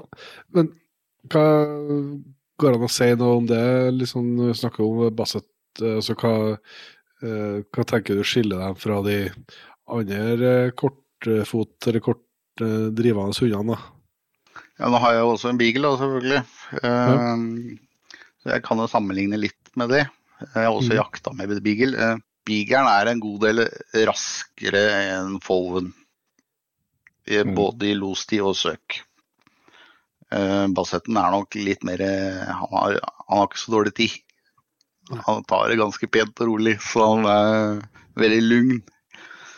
Eh, Jeg har en inntrykk av at Bigeren er eh, litt, mer iv litt mer ivrig da, eh, på å komme seg av gårde. Mm. Bassetten den bare lunter av gårde, den, og så surrer han rundt at han finner noe, og så drar han av gårde. Mm. Også, men uttaksmessig så syns jeg, i hvert fall sånn opp imot de jeg har hatt, så syns jeg nok at Folven har en soleklar ledelse på uttak når det gjelder målbruket og hvor godt du hører det. Altså, du hører jo bigeren godt, det er ikke det. Men uh, uttaket på, på Folven er så Håra reiser seg på arma. Mm. Mm. Det er et skikkelig hyl, og det, er, det drar ordentlig i gang. Nå hører jeg jo faktisk står og gnelder på en eller annen nabo eller noe på verandaen der. Så losmålet på disse to er eh, Jeg vil tørre å påstå veldig Det er natt og dag, egentlig. Eh, Bigeren er kjempebra og den har fint losmål, men når det kommer til bassetten, så så er det, det er veldig høy lyd. Du hører de veldig godt, altså. Tror du det er en fordel òg, med tanke på, på hjorten? Ja, jeg, jeg tror kanskje det. Også gjerne hvis de tjuvstarter litt. Ja. Det er egentlig, men det er også en fordel på rådyrjakta, at de tjuvstarter litt. At de eh, støyter et par, eh, gir et par rapp i kjeften før de setter i gang. Ja. Det er, da gir de liksom et lite varsel på, på at de kommer. Mm. Mm. hun, hun jeg har oppe nå, hun, hun ville gjerne se dyra, så hun luska seg nesten bort til rådyra før hun starta losen til å begynne med. Ja. Og det, de uttaka der, det var så kjapt det at det var bare å glemme. Du fikk jo ikke skutt det der, det var jo helt umulig. Men det har roa seg litt mer enn ned etter Ja. åra som har gått. Altså nå Mm. kommer det gjerne et par klynk før du setter det i gang. Mm. Og det gjør det på bigeren. Hun støyter litt på, på foten før hun tar ut. Ja. Jeg kan jo ikke så, jeg kan jo ikke så mye om det her, hverken hjortejakta for så vidt, men, eh, men heller ikke eh, det er de hunderasene. Men det, det jeg har lært meg fortalt, så er jo kanskje et inntrykk eh, basert på det, at, at dreveren og ja, Beaglen har det spesielt, at dreveren er kjent for å henge på lenger. da. Hvordan stemmer det med dine erfaringer? Ja, nå har jeg jakta litt med drever òg, for vi har en drever i det laget jeg holder på nå. Han henger jo på ei stund han òg, selvfølgelig. Men den første fallen min, den hang på i åtte timer, den. Så jeg veit ikke hva er forskjellen. Ja. Så, hun jeg har nå, hun slapp jeg i fjor da på første uttaket hun hadde, det var rådyr, da, men det var fire og en halv time det òg. Mm. Men eh, hun drar ikke langt, da, så hvis det drar ut, så snur hun. Ja. Så det er jo egentlig noe Basseten er kjent for, er at de, de henger ikke på i all evighet. De, da går de heller av sporet og så prøver å finne noe nytt eventuelt. Så du slipper å kjøre og hente dette her. Ja, ja. Det er noe, I mange terreng i hvert fall en fordel, det. Ja. At de kan henge på lenge hvis turer fint. Men Jeg, jeg tror ikke hun har vært lenger unna enn 2,5 km, jeg. Bare helt ærlig. På de lengste turene sine. Og da snur hun. Det er bare, brå, det er bare bråstopper. Det er ikke noe tap. Det er bare, da stopper hun, og så kommer hun tilbake. Men hun går slavisk bakfot Ja. tilbake. Mm. Det gjør ikke bigeren. Hun, har nå, hun tar snarveier. Ja. Og så er det litt forskjell på dem. Jeg syns kanskje bigeren er litt mer sånn vinglete eh, på sporet. At han flyr litt sånn sikksakk. Eh, der syns jeg kanskje det kan hende, for det, hun er jo prega på rådyr og hjort, så at det er derfor. Men uh, Bassetten er mer støvsuger, går snorrett på sporet. Ja. Mm. Det er, men det kan være noe beagle, det kjenner jeg ikke til. Men jeg syns jeg vingler litt. Ja. Det flyr litt fram og tilbake eh, før hun skjønner noe av det i det hele tatt. Mm. Men så henger det på greit. Men nå har jeg ikke fått felt, felt noe på huet ennå, men det, jeg håper å forvente lengst mulig med det. Ja. det ikke blir for tidlig. Men når dere, når dere jakter hjort da med, med, med de drivende hundene, hvordan er det- Dere er et lag som er ute og forstår jeg, hvordan legger dere opp jakta da? Nei, vi har jo noen sånne faste plasser som vi slipper gjerne. Og mm. da posterer vi på god avstand fra de slippområdene. Ja. Én-to kilometer, eller? Ja, det kan det fort være. Ja. Eh, For de liker at eh, de får litt forsprang, den hjorten, før han bremser. Så ikke for tett. Vi har også gjort det å slippe korte drev. Vi har jo på Vestlandet Hva var det vi gjorde da? Da slapp vi tre stykker opp ei fjellside da, med to postrekker. Ja. Og da måtte vi stoppe jakta etter fem minutter, for da måtte vi ha en telling på dyr. Hvor mange som var i bakken. Ja. Så det er litt sånn opp og ned på åssen terrenget er, for det var bare rett fjellside. Ja, så da ble jeg på stripe på hver side, og så slapp vi bikkjene inn på forskjellige høyder. Så det kan gå fort. Ja. Men da er de veldig stressa når de kommer eh, på så kort tid. Da, da, Ja, går ja. da må du følge med litt. Ja, for hvis de, hvis de får det her fors- forspranget, da, at de, eh, at de brem- bremser av litt igjen, er det større sjanse at de begynner å ture? Ja, da kan Ja, du få dem til å snurre litt, ja. Også, ja. Men hjorten, da, hvis du sammenligner det litt med rådyr òg, så rådyra den turer jo veldig fint innafor kanskje en kilometer eller to. Mm. Mens hjorten også turer for så vidt, men du må ha ei bikkje som henger på, for den vil jo gjerne dra et godt stykke og før han snur og kommer tilbake. Ja, ja. Og hvis du har ei bikkje som gir seg da fordi dette har dratt ut i det tre valg på bortsida, så ja, da får du ikke vært med på det at den snur, ikke sant. Da kan den snu 200 meter fra der bikkja ga seg, Ja. så er den på vei tilbake igjen. Så buktene kan bli store, men de kan øh, også være ganske trange. Altså. Ja. Så det er litt opp og ned. jeg og sikkert litt avhengig om, eh, om de har kontroll på at det er folk i, Ja, i postrekk og sånt. da. helt riktig. Mm. Støy, ikke minst. Mm. Ja, Jeg er ikke noe glad i støy. Så det er jaktradio, det er liksom kun beskjeder fra hundefører, så er det helt stille. Ja. Mm. Det er sånn vi har gjort det, i hvert fall. Hvor langt bak eh, kan, eh, har, du, har du fått med deg liksom, hvor, hvor langt bak hundene kan ligge? da? Ja, ti minutter, kvarter har jeg vært borti Ja. at de ligger bak. Så men da kommer dyra som regel roligere, da. Ja. Mm. De gjør det. Ja, for har, har de litt mer tid på seg? Og, Da, ja, de har litt mer kontroll på bikkja, for de er, de er veldig vare, disse hjortene. Det er jo det vanskeligste hjorteviltet vi har, egentlig, Mm. å jakte på. Så de er vare. De er noen luringer, altså. Men Ja. det er det, du må være lur tilbake, da, ikke sant. Mm. Så kunnskaper og også er jo, spiller jo inn en viktig del når det gjelder hjortejakt. At du må kjenne terrenget ditt. Det er alfa og omega. Du må For de har, bruker veldig mye samme plassene over forskjellige ting. Et rasområde f.eks. så er det du ser markante stier de går, og det er de samme plassene de bruker år etter år. Ja. Mm. Det er jo gullposter, ikke sant. Da setter du dem oppover i de overgangene, ikke sant. Så slipper du fra andre sida, og da kommer det dyr mest sannsynlig over der, da. Ja. Mm.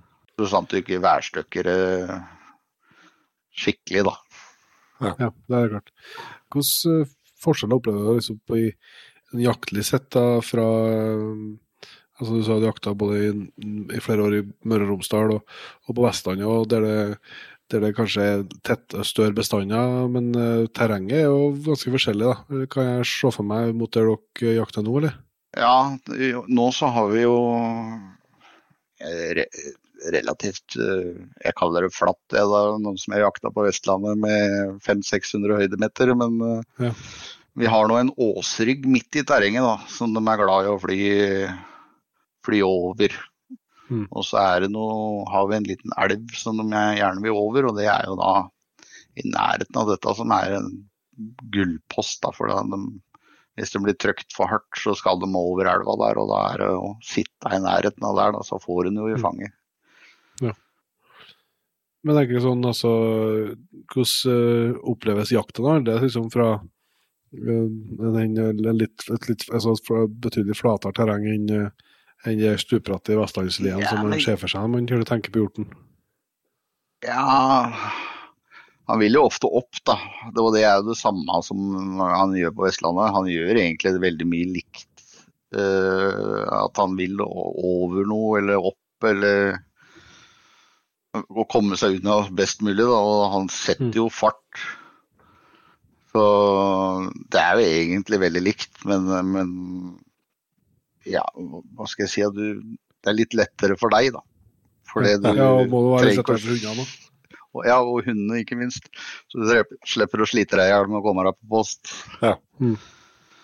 Så det er jo sånn som når vi satt poststrekkene på Vestlandet, så gikk det jo to timer før poststrekka var klare og vi kunne begynne å slippe bikkjer. Ja, ja.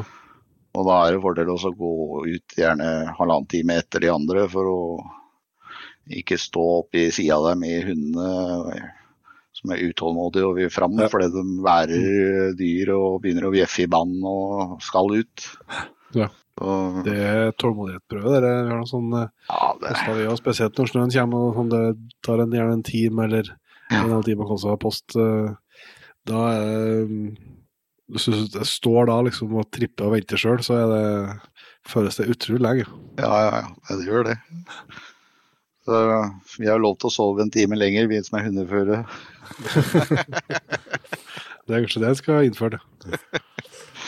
Men eh, Jeg har at hørt om jaktlag òg, der hundførerne har uh, sittet og venta på postene som kom seg ut, og så har de har blitt så steika trivelige at de har begynt å tatt seg en dram, og kanskje to, og ikke i hele tatt kommet seg ut hundeførerne. Jeg har hørt, hørt rykter om at det har skjedd i våre lag, så det kan uh, Du må være litt forsiktig, ja. Ja da. Men eh, Ja. når du, du som hundefører, da, når, når postene er på plass og, og du slipper hund og, og uttaket kommer, eh, da trekker du deg inn i litt mindre Jeg. Og, og, eh, jeg pleier som regel å prøve å holde meg i det området. Ja. Eh, For det, selv om hunden tar ut eh, et dyr eller to, så kan det stå igjen dyr og bli skvettet opp. Så det blir sånn passiv skyting, for å si det sånn. At det er dyr som ikke er i los, som kommer på post. Ja. Mm. Det skjer. Det skjer på Vestlandet òg, det også. Det, ja, ja. Er det sånn at de ofte hjorten altså På rådyr så kan jo uttaket være et bra at de skal tilbake til uttaket, for hvis er det ikke like typisk på hjorten, eller? Nei, jeg har egentlig ikke noe inntrykk av det, altså. At han vil tilbake dit igjen. Det er ikke, det er ikke noe fasit på det, men eh, jeg har ikke noe inntrykk av det at han skal tilbake. Nei. Rådyra går jo gjerne klokkereint akkurat der han dunket, liksom. Mm. Så, nei, jeg har ikke noe inntrykk av det på hjorten, altså. Mm. jeg er litt nysgjerrig, så hopper sånn fram og tilbake, men det er noe greit. Jeg er litt nysgjerrig på Du, du snakka varmt om FO, da, men hva, hvorfor ble det en beagle i tillegg? Hvorfor ble det ikke en FO til? Det, eh, du hørte hva jeg sa, det var mellom 40 og 50 stykker på venteliste. Jeg skulle ha valp, så jeg hadde ikke tid til å vente. Nei da. eh, Jeg har alltid fra jeg var liten gutt syntes at bigeren er litt søt. Eh, Den ser jo ut som en valp selv om han er voksen. Så det ser jo ut som en valp av en harabikkje.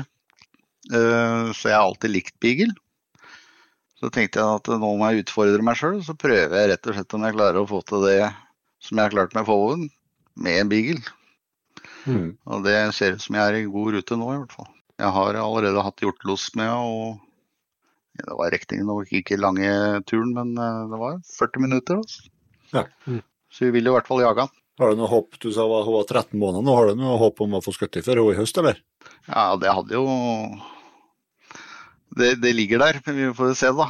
Ja. Åssen det bærer i vei. Om det blir mye snø eller hva det gjør for noe når det, hjorten kommer tilbake. Hva, men du prøvde å liksom prege dem utelukkende på rådyr og, og gjort ungene dine lette å dem jage hare, eller hvordan gjør dere det? Man får ikke lov å la jage hare, nei. Nei. Nei. Og i hvert fall ikke bigeren. For da får du harajager, og det Den får ikke lov til det. Og ikke skjønner han noe av det heller. Så vi prøvde seg i helga, og det Det var ti 10 minutter, kvarter, 20 minutter, så kom han bare tilbake igjen, for det skjønte jeg ingenting av. Så, så slapp jeg på lørdag, så hadde jeg jo tre timers hjort- nei, rådyrlos med, så det skjønte jeg bedre. Ja. Ja. Så, men jeg preger, preger, preger de tidlig på rådyr. Altså, du, starter, du starter med rådyret først, selv om det er hjortejakt du sånn, Ja. satser hardest på, skal jeg si. Eller? Mm. Jeg gjør det. For det, rådyr er jo veldig snille dyr. Ja. Uh, så ikke slippe for en ung bikkje på et stort dyr, da. Mm. Så begynner vi litt i det små, og så øker vi underveis. Ja, for det er, litt, eh, det, er- det er ikke helt eh, fritt for risiko for en kortfoting å jage hjort, eller han kan snu seg og ikke vil bli jaga på dem. Ja, det har skjedd. Også ikke med meg, men eh, jeg har vært borti at de stopper. Ja. Disse hjortene, spesielt bukkene, har en tendens til å stoppe. Og da må du ha ei bikkje som er tøff nok til å holde avstand. Ja. ja, så hold, hold avstand, men samtidig tør, tørre å stå der. Ja, og større å være der, ja. Det er helt Ja. riktig. Hva er derfor dere, det derfor dere eh, valgte å importere fra Ja, det prøve, ja, det var jo også for å få noen friske linjer inn i Norge, for det er jo helt unike linjer i forhold til det som var her. Ja. Men det var jo også en av grunnene. Ja. Og så ville vi prøve å ta inn noe med litt trøkk i, da. Ja, ja. Så det var valget. Nå har han forresten tatt inn noe nytt nå, men det er noen sånne kaninjagere. Så de er veldig fine, men jeg veit ikke åssen det er på hjortevilt. Har jeg ikke peiling på. Nei. Mm. Men det går sikkert an å prege det like hardt på rådyr og hjort som de andre. ja, ja. Men eh, når du, du eh, når dere jakter hjorten, så prøver dere å, å legge opp til, til både flere drev eh, per dag, eller prøver dere liksom å poste ut og, og postene for Nei, å altså, sette i ro på sin plass? terrenget vårt er veldig lite, da. Det er 7000 mål. Ja. Altså, det er mange som sier at det er kjempedigert, men altså, på Østlandet så er jo egentlig ikke det så veldig stort. Nei. Det er sånn passe stort, men eh, Og da er det ikke rom for to slipp på hjorten. Nei. Det er det ene om morgenen, og så da, da har du trøkt det ut. Så det er ikke noe, står ikke noe igjen der etterpå, da. Nei. Nei. Gjør ikke det, altså. Det kan jo stå igjen et og annet, men eh, vi, det er som regel ett drev vi går om dagen. Ja. Mm. Og så kan det hende det blir en rådyrlos isteden på ettermiddagen. Og så på Vestlandet, når det, når det er såpass, eh, såpass til høydemeter og, og griper seg når man skal på post, så, så begynner det gjerne til at det blir, det blir ikke mange drev i løpet av en dag eller? Nei, det blir jo bare ett der òg, stort Ja. sett. Og det er jo mye mindre terreng. Ja. Her snakker Har du et på 2500-3000 mål, så er jo det stort borte på Vestlandet. Det er jo gjerne under 2000 mål, Ja. mange av disse terrenga. Mm. Ja, vi hadde jo et terreng borti Sunadalen, faktisk. Det var vel 8300 mål. Der hadde vi Ja. elgjakt òg. Ja. Der skjøt vi bare elgen hvis vi så den, vi jakta ikke på den. Hvordan er basseten eh, på, på elgen? da? Den første jeg hadde, hadde jeg stålås på elg. Ja. Jeg sa det, ja. Så, to ganger, faktisk. Ja. På en elgokse var det første gangen. Og da sto hun Hvor lenge sto hun? 40 minutter eller noe? Men det er så, sånn, tenker sånn, er forskjell der eh, etter erfaring med interesse for å jage elg eh, mellom rasene? Nei, men individ? individ? Nei, altså, jeg, som, jeg, har, jeg har jo en teori på dette her, også, når det gjelder eh, For å få en hjortehund, så, så må du forvente at det kommer til å jage elg. Det er eh, Og når bikkja er tøff nok til å jage elg, så jager den hjort. Mm. Og jeg var litt heldig her i høst, så vi lå ute på ei myr, jeg og valpen, og så lå jeg egentlig bare på kvelden og bare kula han for å se om han ville Det var egentlig bare en treningsøkt. Det begynte å skumre litt, og så hvis bikkja lå 15 meter ved siden av meg i lynga der. Så jeg venta egentlig på at hun skulle ta seg en ny tur, for da hadde jeg vært ute og tura litt. Og så plutselig så spretter hun opp på beina og står helt stiv. Og så snur jeg meg, og der står jo ku og kalv, da. Og da tenkte jeg ok, da skal jeg bare la det være, så skal jeg få lov til å lukte på de spora Derfor forsvant, dem løpet av gårde, så vi forsvant jo etter, og da jaga det i Ja, det var ikke så fryktelig langt. 750 meter eller noe nede i dalen der. Og så kom hun opp igjen. Og dagen etterpå da, da hadde vi hjortelos 40 minutter. Ja. Mm. Og da skjønte jeg at det var ikke så skummelt allikevel, da. For sånn, sånn ble det prega. Ja, ja. Ja, ja, ja. Det er klart at det er vanskelig for dem å, å skille mellom det. Det er jo Ja. forståelig på et vis, selv om det, man ikke, det er kanskje enda større risiko hvis de begynner å jage på elgen inn på hjorten likevel, da, Ja, ja. for hund. Og så har jeg også en teori når det gjelder bruk av hunder, da. Av andre typer hunder. Sånn som dere som jakter med jevnthunder og gråhunder. Det er en dårlig kombo i forhold til det Hvis dere har vært inne og jakta med de gråhundene, da, eller jevnthund, så er det en dårlig butikk for oss som kommer kortbeint etterpå. Mm. For når den har jaga en jevnthund, en elghund, så går jo det i timevis av gårde, ikke sant. Mm. Og når du kommer da med en kortbeinte nå og skal prøve å lose på dette her så, Å å ja, nå har jeg en hund etter meg. Da gjør du det samme som sist gang. Så stikker den av gårde, ikke sant. Og da, da, da får du det i hvert fall ikke til å ture. Så jeg er for øh, Så nå er jeg egentlig Jeg driver og kikker litt etter nytt terreng, og da, da skal jeg ha alt. Jeg skal ha elg og alt. Ja. Jeg skal ikke ha noen andre greiene der. For jeg skal ha det til å ture mye finere. Ja. Mm. Ellers så blir det bare sånne rette streker rett ut. Men eh, altså, som dere som eh, har et terreng som dere jakter en god del i løpet av høsten, da, eh, blir de altså, hva, hva opplever du som beste, beste tida for å, for, for å få det tur, eller få fine loser? Liksom, er det bra tidlig, eller blir det utover senhøsten nå, eller? De beste losene Ja, jeg har vel kanskje dem tidligst i september har vi kanskje de, hatt de beste losene. Og så blir det en periode som han er veldig var og trekker veldig fort, syns jeg, Mhm. av gårde. Og så har du en periode når de er ferdig med brunsten og er litt sliten etter det, så går det egentlig litt roligere. og De er ikke så lettskremte eh, når de kommer tilbake igjen da, etter brunst. Det er mitt inntrykk. da. Så det er litt lettere å jakte på de, ha et lite opphold på høsten og så jakte på de etter at de er ferdig med den brunsten og det der greiene der. Mm. Ja. For da er de sultne, og de, de, det er mat som står i huet på dem. og da hvis de har et, et sted de liker å spise, så vil de holde seg der. ikke sant? Med, med bilen nå, Kenneth, du, du du begynte, begynte å slippe på rådyr. Eh, hvor lenge venter du før at du begynner å, prege den og slippe den på hjort? da? Den bør nok ha passert året, mener jeg da.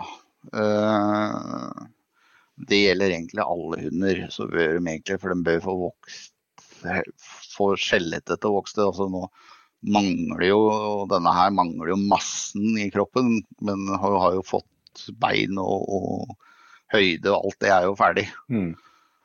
Eh, og så trener jeg mye på eh, tidlig, veldig tidlig. Når de er kanskje fire-fem måneder, men da i line. Ja. eh, på rådyr. Eh, det er bare så de skal få kjenne på lukta på de. Mm. Så da går jeg bare bak huset her, og så finner jeg noen rådyr, og så sporer jeg bare litt på de, bare så hun skal kjenne lukta av de, da. Det er jo preging, det. Ja da, det er preging. Men driver du med liksom å legge blodspor og sånt, sånn type også sånn Ah, jeg er ikke så veldig flink til Jeg skal jaktbikkje, jeg skal ikke ha noen sånne der eh, blodsuger. Nei da. Nei da. Jeg, jeg har vel tenkt å prøve å gå noen blodspor med huten neste år, tenker jeg. Jeg har så vidt prøvd eh, Jeg har prøvd å gå ferskspor eh, nå i høst, i line, og det det gikk egentlig veldig bra. Hun klarte å holde kjeft og hun fulgte bra. og Vi så rådyra flere ganger, så vi viste hvor de hadde vært hen. Og hun, det var klokkereint dit du gikk, altså. Så Ja. Mm. det fungerte. Mm. Vi får se nå da, som jeg har fått jaga en del, så kan det hende det blir noe gneldring i bandet òg. Ja, det er mulig å se for seg det, kanskje. Ja, og så er det dette skal klare, hvis du har kryssa et eh, rådyr i løpet av natta og et blodspor òg, så Men det er vel ganske Jeg tror jeg skal se det ganske fort. Hvordan er det med på hjorten? Altså, er det stor forskjell på losdyrene? Liksom det er voksen kolle alene, eller om det er kolle og kalv, eller om det Det kan ofte Eller- komme flere dyr i, Ja. i losen. Det trenger ikke komme ett dyr, liksom. Nei. Men uh, bukkene kommer som regel alene. Eh, bortsett fra disse tapphjortene eller uh, spissbukkene. De kommer jo som gjerne sammen med kolle eller et eller annet. Men også har det noe betydning etter erfaring med hvordan losen både går og oppleves? Altså, altså, hva, hva gir den fineste losen? Er noe Jeg tror kolle og kalv, egentlig. For jeg, kalven han går litt roligere, da. Ja. Mm. Syns jeg. Han har ikke den derre hastigheten til å stikke av. Har ikke trengen, for han skjønner ikke hva som er farlig med den der lyden han hører nede i dalen der. Så jeg har en inntrykk at kolle og kalv er fint losevne. Ja. ja, da må jo kolla slakke av litt av hvis kalven ikke Det er helt riktig. så Det, bremmer, det er jo samme på rådyr òg. Ja, ja. Det beste losdyra er jo geit og kjede. mm. Når du, når du snakket, snakket prega med å gå i, med, i langlin, da, men eh, når du skal begynne å ha dem over på hjort, det, gjør du alt, at de får gjøre alt i frisøk, eller slipper Ja. dem i spor? I, Nei, jeg slipper ikke noe i spor. Nei. Jeg får finne ut av det sjøl. Men jeg Mm. er gjerne i området der det er hjort. Da, så Ja. får jeg lov Det er jo ikke sikkert jeg finner det, men hvis jeg finner det, så er det for, forhåpentligvis så tar jeg sporet, da. Ja. Mm. Men det er klart, jeg fikk jo litt drahjelp med den elgen, så det, det hjalp meg veldig mye. da. Mm. Ja. Selv om de skal ikke jage elg, men det, det skjer. Det skjer. det skjer. Ja, altså, det er jo så rart med det. Så, eh, nesten holder på mye med ungen sin, så før skia så har du jo litt flaks, da. Ja, Det er sånn nesten med alle, så at uh, så du ser etterpå at dæven har flaks at det ble akkurat sånn. Men, ja. men det er nok eh, ofte et uttrykk for ikke for flaks, men fordi at man er mye ute og holder på mye med hundene sine. Ja ja da. Eh, Jeg liker det å være ute med de og slippe de. Så Mm. de får gjøre det de skal gjøre. Ja, Ja, ja. Jeg, jeg har ikke med meg børsa hver gang heller, jeg, altså. så jeg syns det er like greit å gå opp her og bare slippe for å få en god los som Ja. trening. Jeg syns det er like gøy. Jeg, jeg Mm. må ikke skyte dyr, så det, det er gøy det òg, selvfølgelig. Men øh, jeg syns nå det, det losen og det der jobbingen bikkja gjør for jaktas del, altså, det syns jeg det er kjempegøy. Ja. Mm. Så vi var prata litt om elg her nå. Eh, Det er jo mange som bruker Folven som elghund. Mm. De har fått det godkjent, de må, de må søke om det, men de, det er mange som bruker de som elghund. Ja. Mm. Godkjent. Ja, for du må søke til direktor- Militærdirektoratet eller noe sånt, Ja, så- et eller annet sånt noe. Ja. Mm. Og Da kan du få det. kan du få det godkjent som elghund. Det er ikke verre for en elg å bli jaga av en basset enn å bli jaga av noe annet. Nei. Det er Sant. Vanskelig å så- se for seg at det skal være mer tussig. Ja. Ja da. Men Du snakker altså, du litt på fart der, altså hva Har du noe inntrykk Kenneth, av uh, hvor stor eh, eller stor liten betydning drevfarta har for å lykkes med å få skutt i los? Nei, altså, det er jo Hva skal jeg si? Det er jo Du tenker på farta på bikkja? Ja. Jeg, jeg vil vel tørre at en sånn medium fart er vel egentlig det beste. Og der er jo Followen er vel veldig fin på medium fart. Jeg la merke til noe snodig med denne bigeren i helga, og det var at eh, etter en halvtime, tre kvarter, så lå lostida, nei, lo, snittfarta på 8,3 km i timen. Mm. Og etter at det hadde gått to timer, så hadde den økt til 9,2. Du er altså økende fart, så jeg veit ikke hvor bra det blir, men uh, da var farta plutselig høyere. Ja. Så Det hørte å være mye terrengavhengig sikkert òg, ja, det var liksom. flate, dette, vet du, så dette gikk jo som et ol ol lyn. Der er Fowen er nok litt uh, roligere på losfarta enn Ja. Bigeren. Ja, egentlig en ganske god del. Jeg er ikke sikker på Kira har vel er det 5862 eller noe, tror jeg går på. Det Kommer litt an på hvor en i losen du er, da. Ja, ja. Selvfølgelig. Men når du, når du er ute og jakter alene og sånn, med, med, med dem da, eh, og, du, og du har med deg børsa, hva, hvor eh, posterer du da, skulle du si, på, for å få noen sjanser? Nei, da prøver jeg å finne en plass som jeg veit trekker, da. Ja. Og da slipper i det området som de gjerne Men da blir det som regel veldig korte loser. Hvis Ja. du da skal For det Da må du sitte i nærheten av uttaket, så da må du ha en sånn formening på hvor du tror uttaket vil gå inn. Ja. Det er ikke sånn kjempeheldig, det. Også. Det er som regel stang ut, så flyr en helt annen vei. Ja, ja. Ja. Eh, Det er det som skjer ni av ti ganger. Men det virker jo på, det virker jo utrolig altså på, på hjorten det, å være lokalkjent og vite om plassene og stiene virker jo helt eh, Ja, det er helt alfa og omega, for å Ja. si det sånn. Hvis ikke du har kunnskaper, og kan du nesten bare glemme det. mm, Det, er det, det er vanskelig. Veldig vanskelig. Mm. Så det er de der faste løypene. Du ser, ser det veldig godt uh, hvis du er på vårparten og går og kikker litt i skaukantene på Vestlandet, så ser du sånne Det ser ut som de har gått med en sånn liten jordfreser oppover lia der, og du ser at det er samme løypa de går hver dag for å komme ned på jordet. ja, ja. Og det er jo sånne løyper du må finne bare at lenger oppe i lia der, da. Ja. Og det er jo der de stort sett flyr hver gang. Mm, Så sånne rasplasser er jo helt gull. Ja. Det er, vi kalte det for gullrekka, kalte vi den der, eh, det raset vi hadde i terrenget vårt. Det kom alltid dyr på en av de der eh, Jeg husker det var fire overganger vi hadde over raset der som var faste. Ja. Resten var jo glatte svalberg, så der ville de ikke gå over. Nei. Nei. Da skulle de over de faste plassene, og de starta på 500 høydemeter og oppover til 900. Hva, er, det noe, er det noe forskjell på eh, vær og føre, skal jeg si, og evnen til å få til fine loser på hjorten? Ja, egentlig syns jeg enten så må det være ordentlig vått, uh, har jeg en inntrykk av, og gjerne litt vind. Og sånn at du har en vind som- er går riktig vei, som ikke driver og surrer. og Det veit jo dere alt om, som driver og snur hele tida. Det er alfa og omega. Og så har jeg eh, snøforhold. Og jeg har gjort i snø. Det er gull. Da går det sakte. Da går det mye saktere. Ja. Men da er det problemer med bikkjen igjen, da, ikke sant. Men da Ja. hvis du har en hard bikkje, så driter den om det er mye snø, for det, det går bare fryktelig sakte. Og da bremser hjorten ned, og da går det ikke så fort. Det er Ja. mitt inntrykk. Så, Muligheter for å kunne skære av og komme framom og sånn, ja. ja.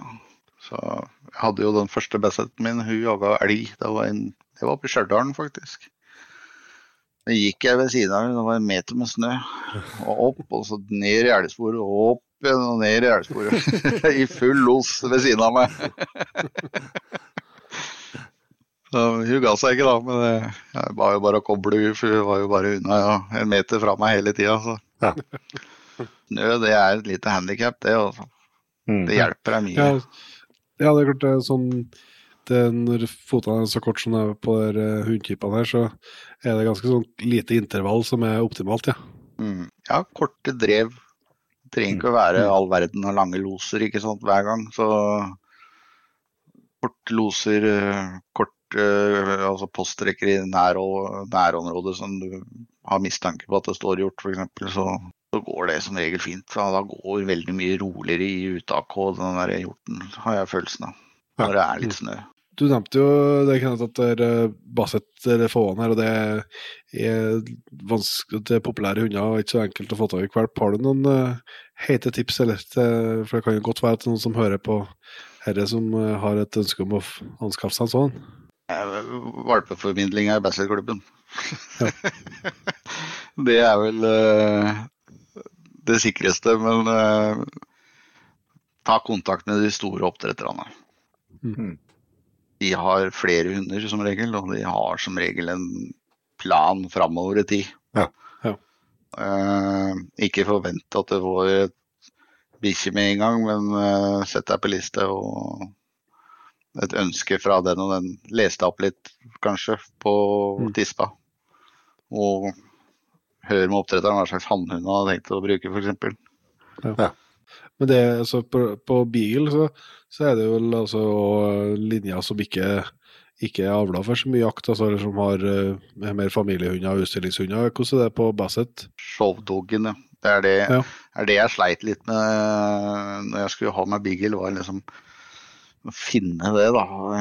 Men så kom jeg i kontakt med Bjørn Widringstad, og han, han har jo ei tispe som heter Kita, som er eh, ja, hun er veldig flink, da. Hun har vel vunnet alt av prøver hun har gått, og enda ikke blitt slått av en drever, så, så hun er jo veldig bra. Mm.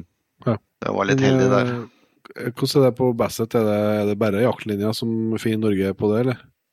Eh, jeg tror det. Eh, det kan ja. være noen sånne utstillingshunder, men det er eh, Det er ikke veldig mange. Det er ikke noe det er ikke noen mengder sånn som på Bigeren. Nei. nei. Jeg kan eh, tipse om ei eh, gruppe på Facebook som heter for Jakt med Basset Fov de Betang. Det var i hvert fall til hjelp for, for oss når vi skulle finne til ny valp til Farsan i fjor. Ja, ja. Da har vi jo egentlig vært innom en god del av det eh, vi tenkte å spørre deg om, Kenneth.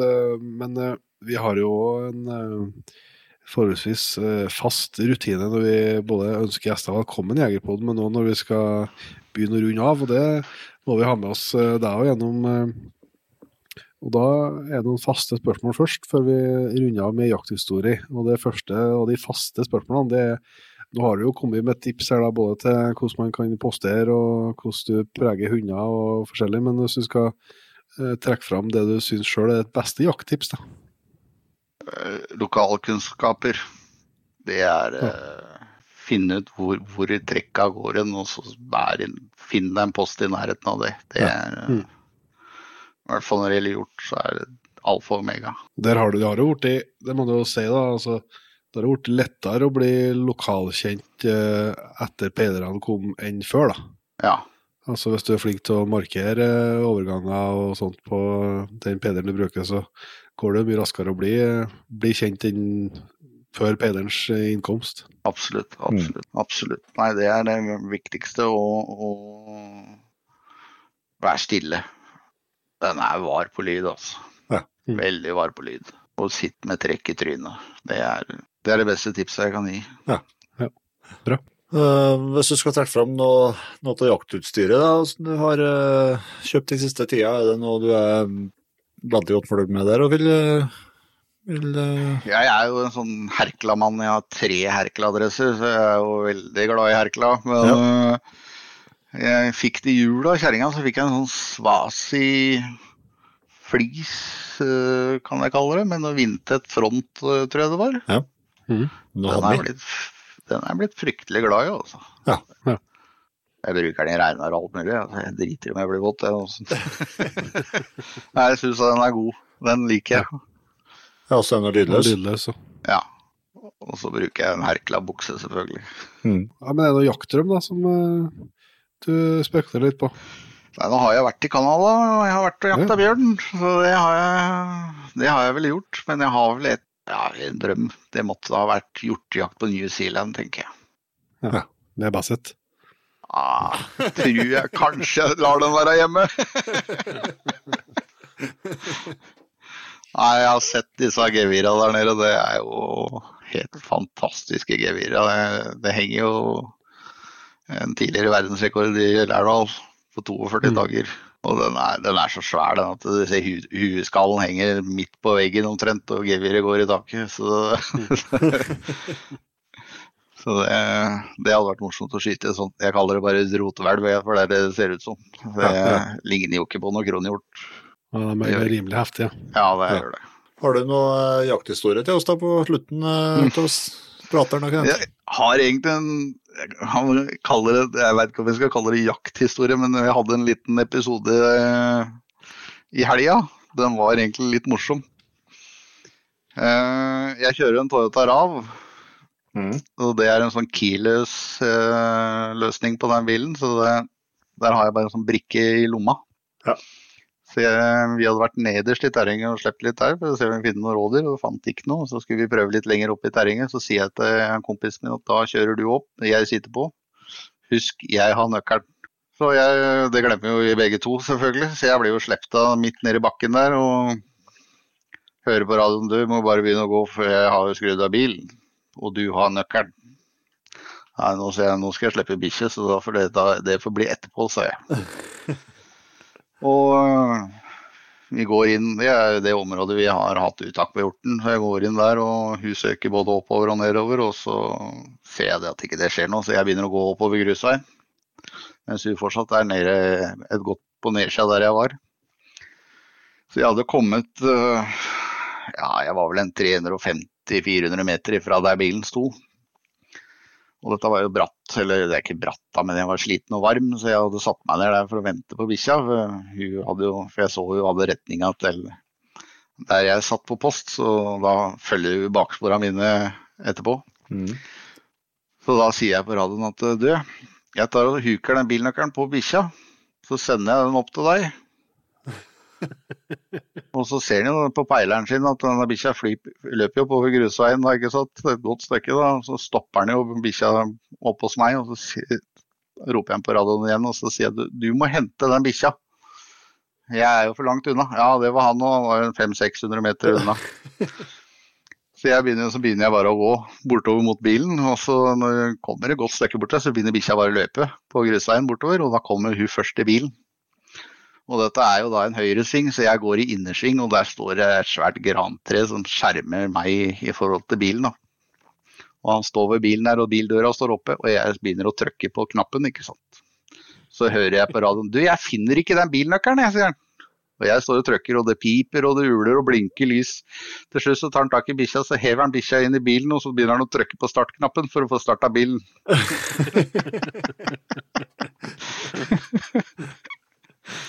Ja, det er fin, ja. Ja. Jeg har hatt en lignende CDA, men eller ikke lignende var ikke på jakt, men jeg hadde også en sånn keyless-variant på en bil eh, for noen år tilbake. og Klarte ikke å finne bilnøkkelen. og var så jævlig lei, så jeg bar ut alt jeg hadde til klær. Ja. La rundt, bare la en sånn haug rundt bilen for å se om jeg slutt, jeg fikk opp døra til slutt, så gjorde jeg det. Og da var måtte jeg begynne å lete i den haugen til slutt da, for å finne hvor nøkkelen faktisk var. Ja. Nei, veldig bra, Kenneth. Eh, Jeg skal si tusen takk for at uh, du tok deg tida til en uh, prat med oss. Det setter vi stor pris på. Yes. Det var bare moro, det. Takk for praten. I like måte. Det var altså Kenneth eh, Johansen, det. En eh, kjempekar eh, med gode teorier og tanker og masse erfaring fra hjorteskogen. Mm. Det er jo ikke med, med de mengdene gjort som, eh, som detter for året i Norge nå, så, eh, så um, blir ikke det blir ikke siste praten om hjort. Det der eller der, tror ikke jeg. Nei, vi må få til, noe, få til enda mer, og ikke minst så burde vi jo tenkte jeg jo før høsten her at jeg skulle, skulle satse litt hardere på hjortejakta. Det var ting som skjedde som gjorde at det ikke ble som planlagt, da. Men eh, jeg håper nå at det byr seg noen muligheter videre. Vi satser på det. Vi gjør det. Men eh, da skal vi begynne å runde av og, og ønske folk eh, god ny jakthelg. Men eh, før vi kommer så langt, så skal vi jo igjen få lov til å ønske en hel gjeng med jegere velkommen inn i P3-jaktlaget. Mm. Det vokser jo stadig på seg. Nå er det jo sånn at vi driver og kjemper oss mot denne 3000-grensa for å få lov til å trekke ut en spiller ny Toyota Hilux uh, Egerpond Edition i lag med Nordvik. Det ble vi også ganske nært på for noen dager siden, men så er det jo sånn at eh, når det kommer over i en ny måned, så detter jo fra noen hver måned. Det vet jeg at noen har spørsmål om, og det svaret på det er fordi at eh, eh, kortene går ut, rett og slett. Det er jo sånn at du legger inn kortet ditt på P3-en, Og det har vel alle opplevd, at uh, får nytt kort i posten, og så plutselig funker ingenting Mm. en stund. Så det er det som, det, da, det som da skjer, så heldigvis så er jo mange tilbake igjen, og det er, noe, er jo vi selvsagt veldig glad for, og det er jo ekstra viktig å passe på litt uh, når det er på å nærme seg en sånn stortrekninga. Mm. For at en må jo være aktiv uh, når vi runder det magiske 3000-tallet, hvis det skulle skje, for at en skal få bli med i trekninga. Yes. Så vi starter på toppen og sier tusen hjertelig takk til Oddvar Sandvik, Simen. Stian, Ole Kristian Søreide. Anders Herje, Isaias Denise Lopez. Lars-Erik Refsal, eh, Knut, Knut Soglo. Henrik Syversen, Selma Pedersen. Petter Christersen, Yngve Larsen. Odd Langen, Oskar Røe Olsen. Espen Tingstad, Henrik Jensen. Erland Danielsen, Robert Allen. Marius Rosmæl, Simen Engvold.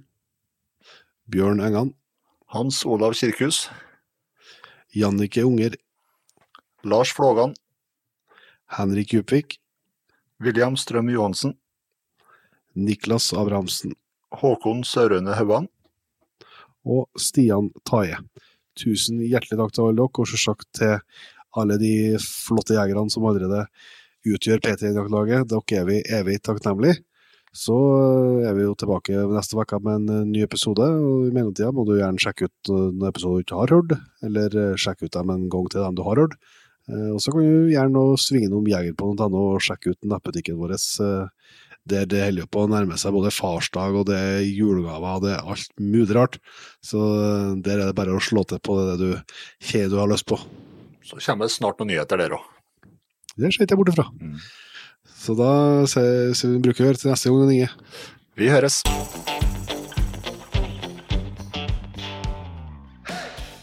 Tusen hjertelig takk for at du valgte å bruke litt av tida di på Jegerpodden. Sjekk ut jegerpodden.no eller eh, din favoritt-podkastspiller for enda mer innhold og flere episoder. Følg også Jegerpodden på Facebook og Instagram, og ikke minst, husk å fortelle alle gode venner, familie og tilfeldige forbipasserende om Jegerpodden, sånn at vi får spredd det glade budskap videre. Vi høres.